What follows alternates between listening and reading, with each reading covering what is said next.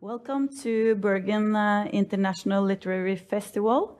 Um, we are going digital and are happy to everyone that will view us for 45 minutes now.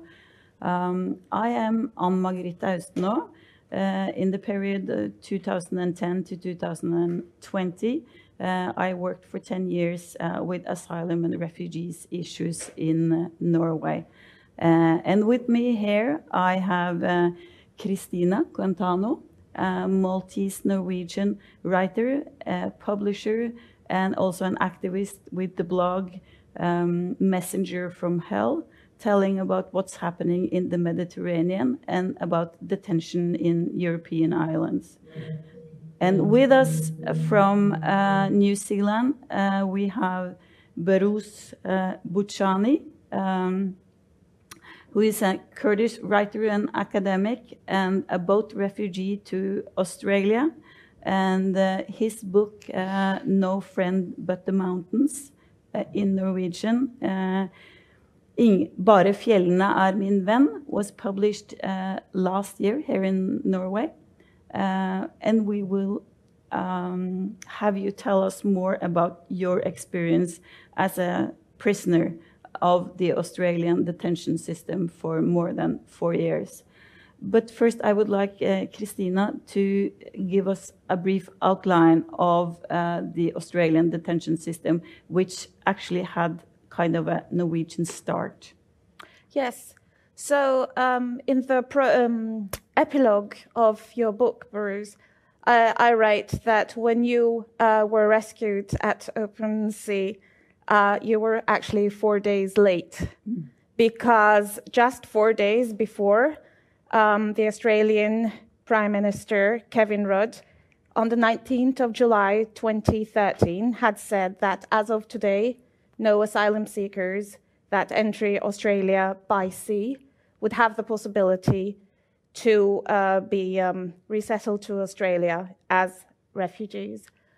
But um, the Pacific solution dates back, at least the beginning of it, uh, 20 years exactly this year. In 2001, uh, the Norwegian captain uh, Rinnan, that many of us might remember on the ship Tampa, rescued 438 people um, outside Australian territory. And that was the beginning of a very long standoff, meaning that no safe harbor would harbor this ship. And uh, Rinnan did what captains should do. He rescued the people that could have drowned. But uh, a lot of captains don't do that right now, which we will get back to. But this was the beginning of what is now called the Pacific solution, and which a lot of European countries are looking at as a good form of um, asylum behavior. Mm. So, so this dates back 20 years right now. Yes. Um, um, please, Thank you very much for having me. Actually, uh, you surprised me by mentioning Tampa ship mm. because uh, uh, this year is the exactly 20 years anniversary of uh, Tampa ship, and you absolutely are right with uh, mention that uh, that was the beginning of the policy Pacific solution. And uh, on that time, John Howard, the Prime Minister of Australia, he stand up in the parliament and he say that from now we will decide who come to this country. And so that was a huge uh, you know that uh, Tampa ship and on that time that had a huge impact on Australia and Australian pol the political culture for mm. two decades and still continues. And I think that is very important. And this year, um, that is very interesting that uh, just uh, two weeks ago, I met a man in uh, New Zealand that he was 27 years old and he was a, a PhD student in uh, a university in uh, Washington. And he said that, so we had the coffee together to talk about the anniversary of Tampa. and he was one of those small kids on that ship. Oh, He Oh. was seven years old on that time, ah, and now he was active, and he said that we should get the anniversary. So for the first time, I met him because some of those kids and families on the ship, uh, New Zealand accepted them. Then they opened uh, Manus prison system and Nauru. And uh, the first day that I arrived in New Zealand, uh, actually, I had an event in the Gus Fisher Gallery in Auckland, and I met a man, and he said that I was in Manus Island on 2001.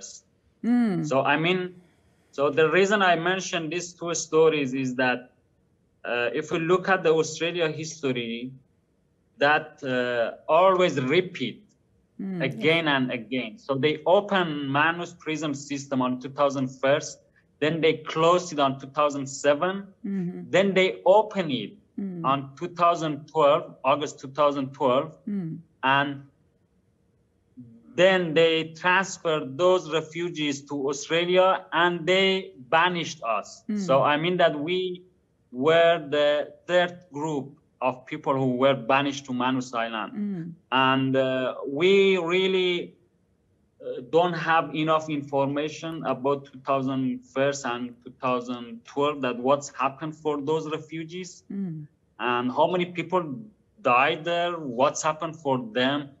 And uh, so that is the whole story about hmm. Tampa ship. But if we look at the Tampa, is not actually the beginning hmm. of this in some ways. Because we have a history of colonialism in Australia.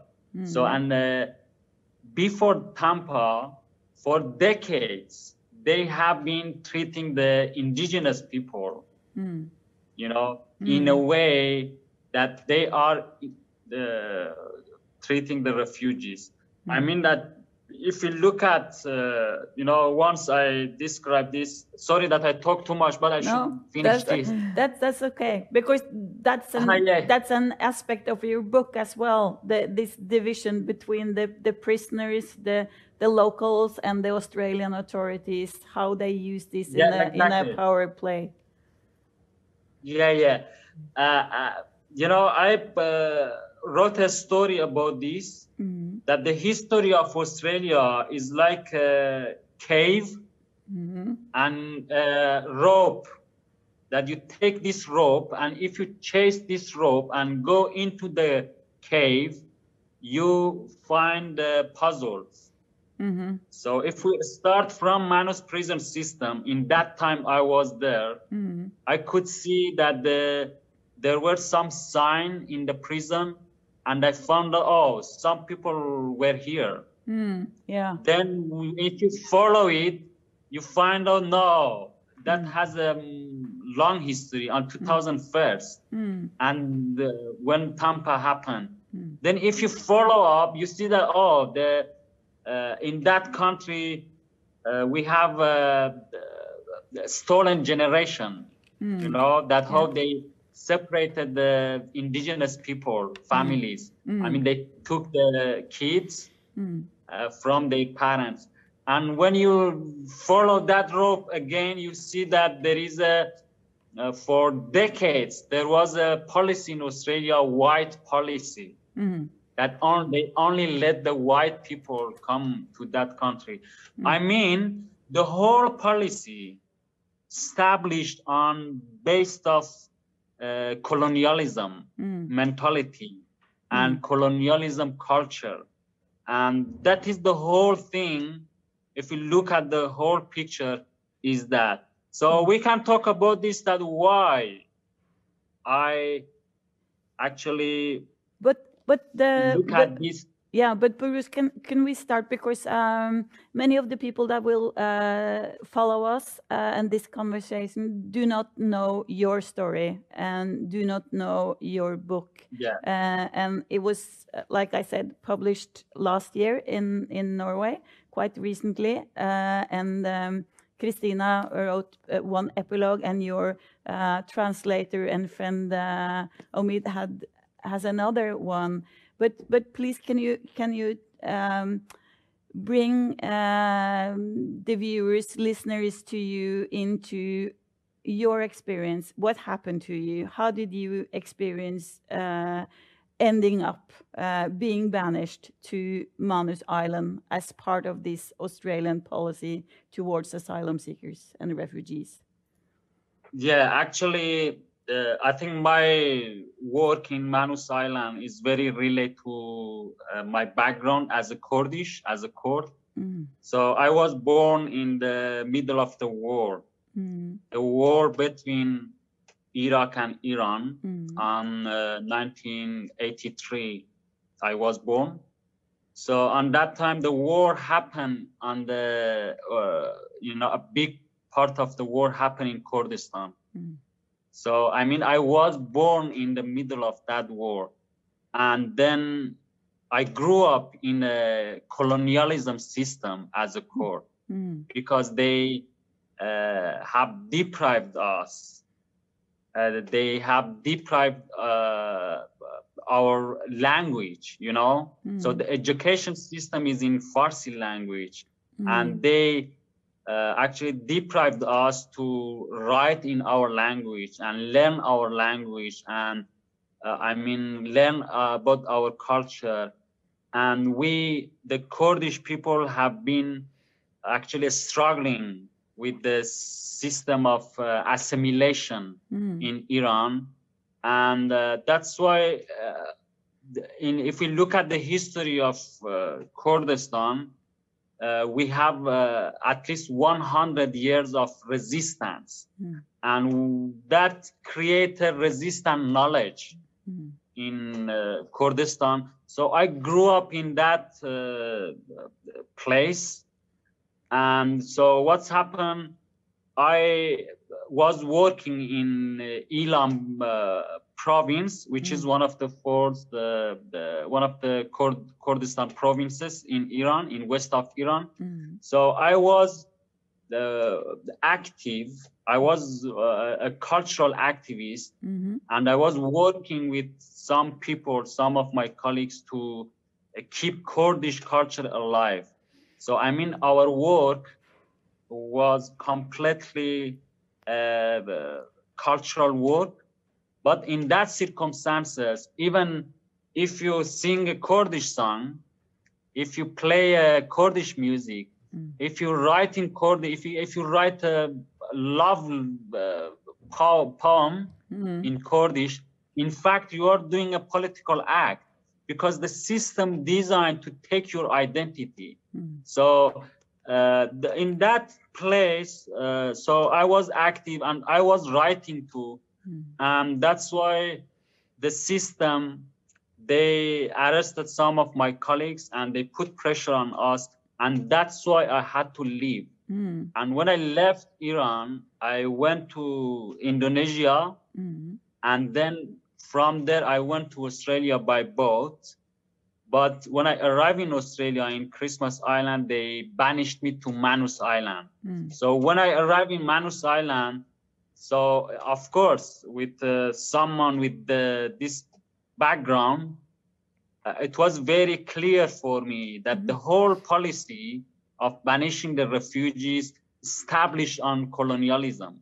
Mm. So I mean that I fled from a colonialism system. Mm and I ended up in a, another uh, colonialism system, but a different version. Mm. But the, the, mentality is same.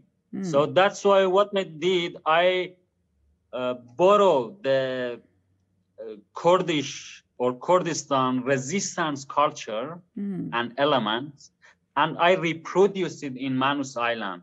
Mm. You know, and so I, I just I started to uh, write articles uh, so um, so people, most of people know me through this book, but actually, uh, uh, you know, that is uh, my the last work mm. that I did. You know, before that, through movie and other artistic works and mm. articles.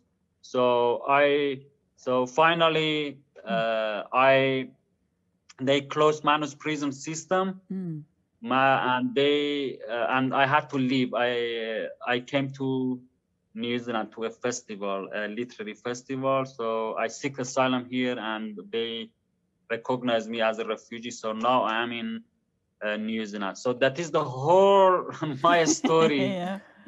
That that that's the short version. Uh, but um, in in in in your book, um, uh, you I think give a good description of um, how it is to to actually live that resistance. Uh, because you you um, you describe um, setting around you both other uh, refugees, uh, the natives that are working within the prison, uh, but uh, with the Australian without knowing exactly who. Some some Australian boss somewhere has decided, Yeah. so others only follow orders. Uh, and it dehumanizes uh, everybody within that system, also the refugees themselves, and uh, and and I think can you um, describe in your own words uh, what you uh, also contribute to your book, what it does to the refugees, and uh, how it uh, creates distance between you and uh, and it at times brings out the worst also in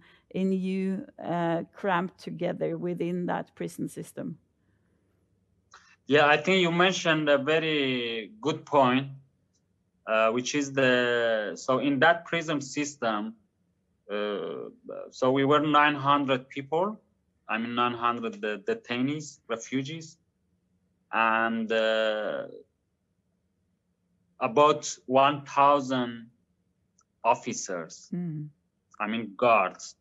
And among them, uh, like half of them were from Australia, and half of them were from uh, Papua New Guinea. I mean, they were local people. Mm. And uh, so lots of guards. So some of them were in the background. They were working at the office uh, in out of the prison and many of them were working inside the uh, prison. So I mean that, uh, and each two weeks they change them. For example, each two weeks uh, they replaced them with another group. So that's why there were lots of uh, guards. So in the book that I described that actually I wanted to show the uh, hierarchy Mm. in that system and how they uh, are they were controlling the local people Mm. and in that in the book i described that that the local people the local officers guards actually they didn't have idea you know Mm. really they didn't have idea about just they employed them and they paid them and Mm. they just following the order Mm. what the i mean that the australia was running that prison camp Mm. australia was running that and the local people just they were uh, and you know in a real life actually they paid the australian guard each person like eight thousand dollars Mm. or seven thousand dollars per month but the local people like five hundred dollars Mm. I mean, 16 times uh, be more than them, you know. And also, so the, that thing I try to describe that the local people actually, uh, I wanted to show the how Australia is treating the people in the Pacific and Mm. indigenous people, and how uh, actually the so Australian officers were boss Mm. and the local officers just were following the orders. Mm. And I mean, uh, and later, uh, if we look at the whole policy, the security companies were working on Manus Island. They made a huge money. Mm. They uh, uh, they, their contracts was billion dollars. You know, Australia spent around ten billion dollars in this policy. you know, in Nauru Mm. Island, in Manus Island, which is a huge money. Mm. And but in the same time, the local people were dying very easily because they didn't have access to hospital. Mm. You know, I mean, the, generally, I wanted to show this Mm. that the local people are actually victim Mm. under this policy. So we can talk about that too, that Mm. how this policy damaged the island, damaged the small community, small society, damaged the, the economy Mm. because they the economy was a traditional economy there, Mm. you know. Mm. And after six years, suddenly they closed the camp and left, and Mm. they replaced uh, with nothing, replaced with nothing. And the local people they became jobless, Mm. you know, and that created lots of social problems for them. Mm. Also, uh, cultural problem. They damage the environment a lot, and I mean, they the- actually this policy was very negatively impact on the uh, local and indigenous people there too. But no one talk about this, you Mm. know. So in the book, I try to just mention that, Yeah, you know. you but you you do mention that, and and and to me as a reader, I get the impression that you you were able to bond uh, between the refugees and and the locals uh, in some ways to see that you you were both uh, taken prison, uh, so to speak, by this Exactly. this system. Yeah, yeah, exactly. And that is the actually uh, the way the system control people. And you know the, actually, you know, my book is only a part of my works there. So some uh, some issues that I didn't cover in the book, Mm. I uh, separately I wrote article about them Mm. you know those issues Uh, i mean uh, some particular articles about the local people Mm. some particular articles about the minorities inside our small community i Mm. mean lgbt people Mm. you know just imagine that uh, there are like 900 men because all of us we were single men Mm. 900 men and among these mm, 900 men there were like 50 uh, gay people Mm. And Mm. they were under pressure Yes. i mean i mean the refugees who were detained Mm. and they were living through a systematic torture Mm.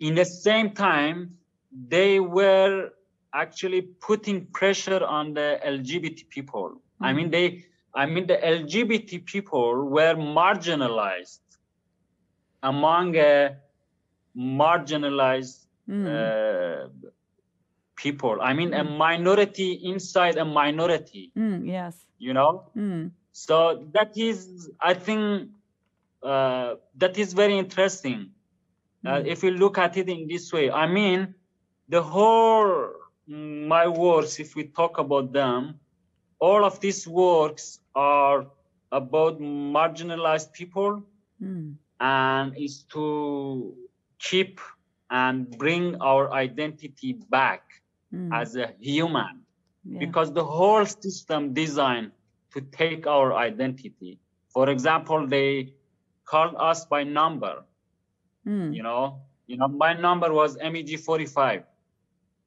so they didn't call me as a Behrouz or you Mm. know uh, How, how did you I mean that uh, uh, how did you among yourselves you used names and were you able to because you you to me it seems like part of your surviving strategy to withdraw and use your abi- ability as a writer uh, as an academic to analyze and to see how others were forced into different kinds of roles some took their roles naturally, but others were forced into them, like you are describing the the gay people as a minority within uh, this suppressed group. Um, but but others try to um, to amuse uh, others. They use their traditions in song and dance, and they had those roles that played.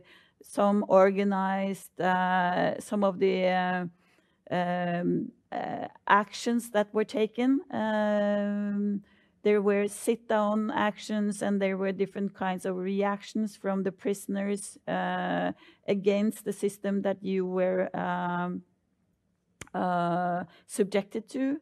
Um, and, and, then again, you you sort of characterized some some people as the one uh, you write about and that you have followed later, the the friendly giant.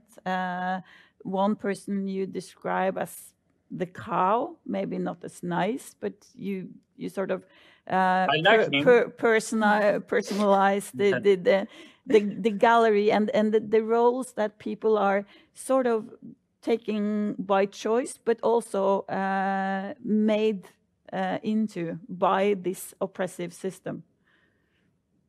Yeah, exactly. I think you mentioned a very uh, good point.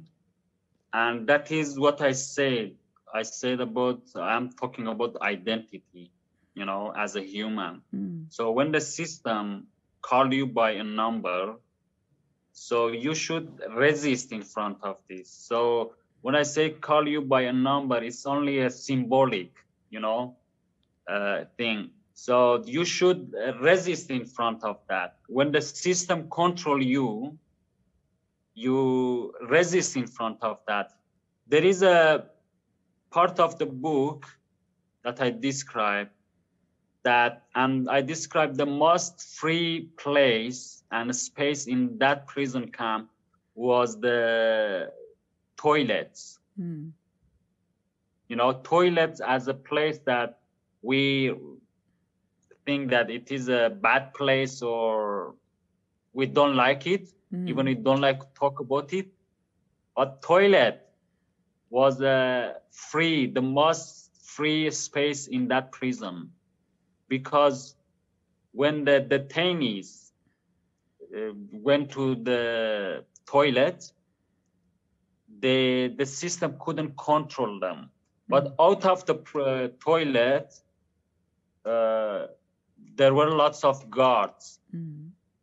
camera, mm. you know, cameras. So always you leave on their watch you know and in the book i describe when the people went to were in the toilet the guards they wanted to show that they are still are around and even sometimes they knock the door mm. just to say that oh we are here i mean this whole system design that you always feel pressure mm. and you don't feel freedom inside the prison mm. even for a second mm.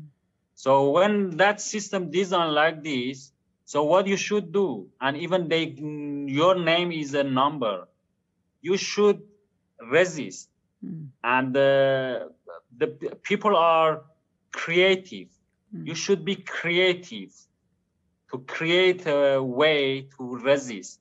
Mm. And uh, that's why in the book, actually, I didn't name the people by their real name. Mm. I created the uh, nickname, mm. and it can be a poetic, you know, it can hmm. be poetic, hmm. you know. And if you look at the names, so I mean that even I I renamed them, hmm. you know, and uh, so if we look at the whole system, the whole system actually people who are people always uh, try to be creative and for me as a writer actually writing mm. helped me to survive mm. i mean the best way to resist in front of that system is to just write mm. and that is uh, you know, we can say that that is life. You know, mm. I created life inside that prison. Mm. I created freedom. Mm. and that is not only me you know everyone in that prison they try to find a way and sometimes i mean the role of uh, humor mm.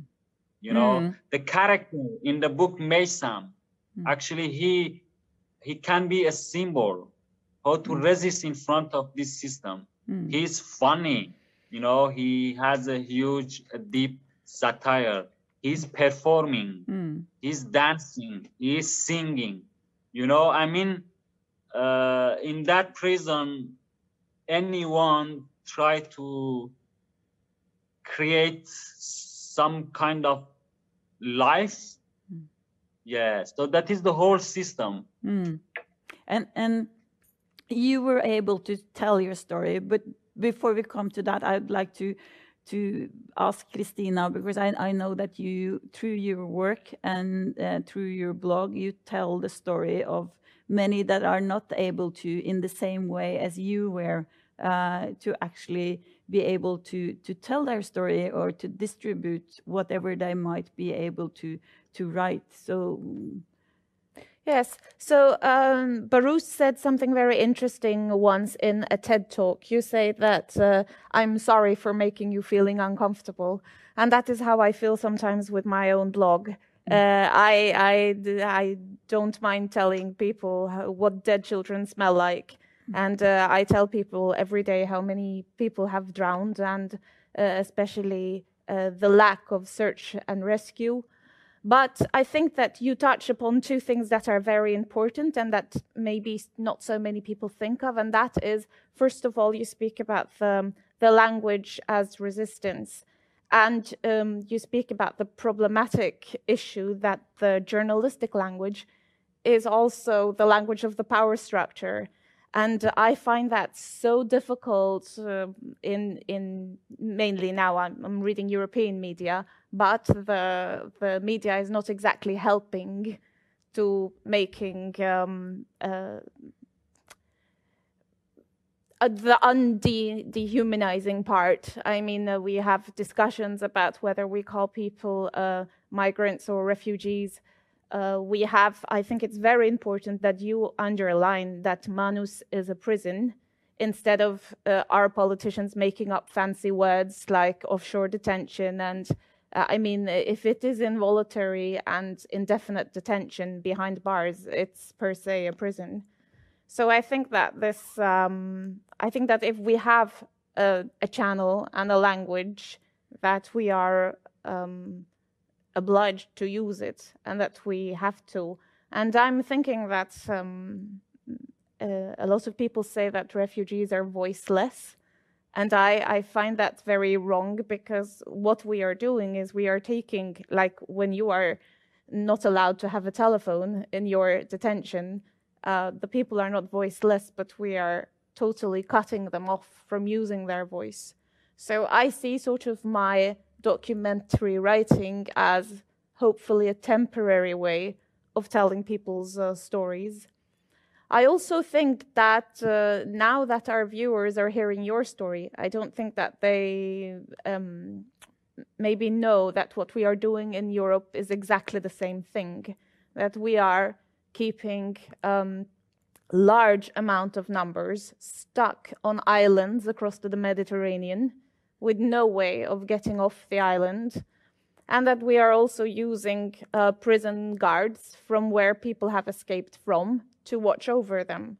So, for example, Italy and Libya have made deals called um, such nice things as the Friendship Pact, where Libyan guards are watching over uh, prisoners in Lampedusa. So, people are creating also in Europe this very hierarchy structure where the locals are the guards, where you have um, police or militias coming in and with very little um, knowledge about humanitarian rights. So sometimes I think that uh, the guards don't even know that what they're doing um, is legally uh, wrong as well. I mean, it's humanitarian wrong, but I think that uh, um, that they are not given enough um, guidance also. So I think that I have met a lot of guards who are very torn between their humanitarian aspects and who are not doing their actions to be evil, but that is just what they're set to be done.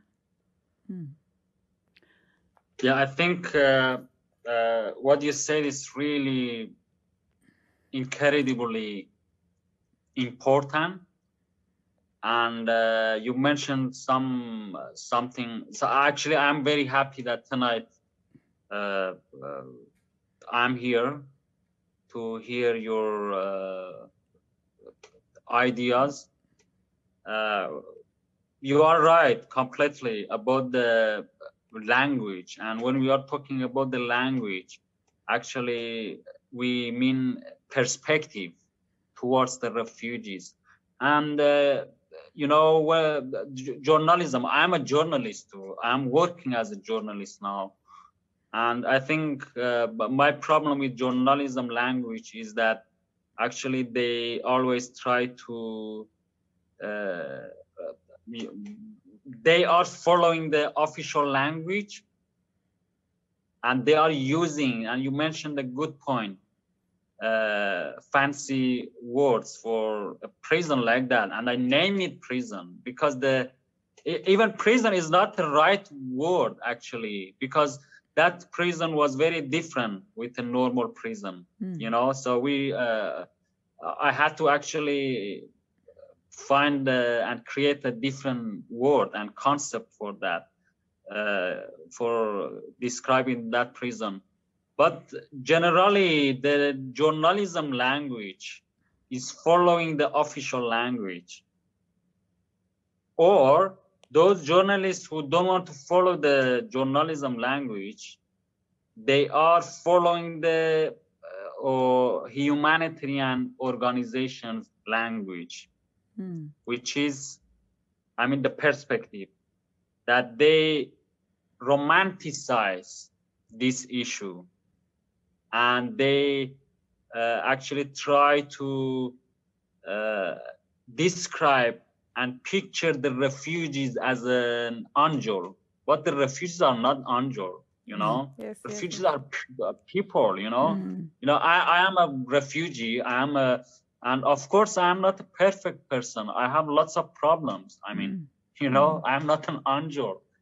And uh, i mean uh, i try to actually i think we should try you know? People like you people like me people who are working in this field we should try to challenge this perspective by creating our knowledge you know? And we have a discourse about that you know? If uh, the, when i came to australia you know so the thing was that the refugees are voiceless you know? Mm. actually i changed that for myself at least. Mm.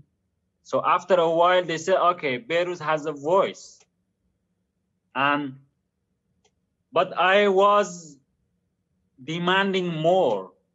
And after a while they said Behrouz is a witness. Mm. but i wanted i demanded more. I was not a witness if i was a witness now i was just telling something about the toilets and Mm. you know the Yeah. camp was dirty you know these Mm. people died like this I, i'm not even i am not talking about my my story really Mm. you know just my story is only one story among thousand stories Mm. so i mean uh i wanted that to take control of this discourse. It should be our discourse. Mm. it's like this. If i give you a simple example that the men come and talk on behalf of the woman. Mm. you are not a woman. You don't have that experience. You know why you want to talk? You know the woman don't accept that. That is a simple example you know? I am a Mm. court of course i know my issue better than anyone Mm. you know if a european person come and talk on behalf of me of course you can support of course you can be with us but you cannot be our voice Mm. you know Mm. and that's why that is in refugees too as a refugee so we should work in a way to take control of this discourse Mm. to empower to bring the refugees into this discourse to create uh, and produce a knowledge you know a knowledge which only is only can be created by the refugees because we experience that you know Mm. and that's why i think that is very important but of course for someone like me even the media take my story Mm. and they uh, publish my story they uh, in a way they want and always i should struggle with them you know Mhm. Mm. so uh, that's why I say that don't judge someone like me or anyone, any refugee. When I say me, I mean as a refugee, only through the stories that written and published by the media, Mm. you know. Mm. But but you My words represent myself. yeah You know, if you And- want really see, read about my story and know, you should read my book, mm, watch my movie. I don't know, you know, Mm. that that's the thing I want to say. You know, I mean that the even for me, I cannot defeat. Mm. I cannot defeat the media. No, but uh, sometimes you would need help, and there were some helpers that you had that were able to smuggle a phone into you and to receive messages, pieces of paper, things you wrote, uh, and to um, publish that to a wider audience. And at the same time, we must make sure that your film is available so that others can see it, that your book is being read. Um, but uh, can you um, tell us how did you experience that? How did you? How did people get in touch with you? How did you get in touch with the outside world, outside of the prison, so that you were able to distribute um, your words, uh, your analysis, uh, your language about what you actually experienced within the prison and within that system? Yeah, I think before I meant uh, I answered that question, uh, I think I should acknowledge the people who have been with me, you know, for many years, and we have been working together, you know, uh, people like such as Omid Tofighian, who translated the book, who translated uh, half of uh, the articles that I wrote. And uh, now we are working together. We are publishing academic works together. And still we i mean so i and omid we work together a lot. And so we attend the events together. And we we do lots of works together now that i'm free it's easier uh, Moones Mansoubi, she at the at beginning she translated my articles, and actually Omid uh, get in touch with me through the article that I published, uh, Mm. and uh, Munes translated, Mm. and many people who have been. I mean, uh, you cannot really do work without support and uh, without others you know? Mm. so i think that is very important. So for people who are working with refugees people who are working with the uh, any uh, marginalized uh, groups of people i think it's very important that you be active and support and create a space for them that they tell their stories.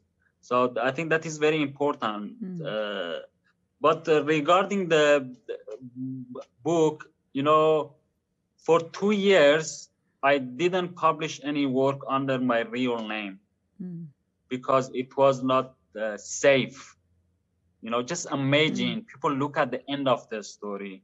Just imagine uh, like seven years ago you know in a remote prison in a Mm. remote island in a, you know Mm. of course i was not safe in front Mm. of the system Eh, i could die very easily seven people died in that uh, prison system Mm. you know so i was not safe and that's why for two years just i was working with the uh, journalists with Mm. the humanitarian organizations with Mm. activists and just to establish a network to Mm. protect myself you know and after two years when i uh, became sure that I have a, a network and I feel uh, much safer, Mm. I started to publish my works. So how I was working, uh, I smuggled a phone into the prison, Mm. and it was not only me. Mm. You know, many of the refugees, the detainees did, Mm. but of course they they they were using that to talk with their families or for the communication Hmm. i smuggled a phone in through the local officers who were working inside the prison Mm.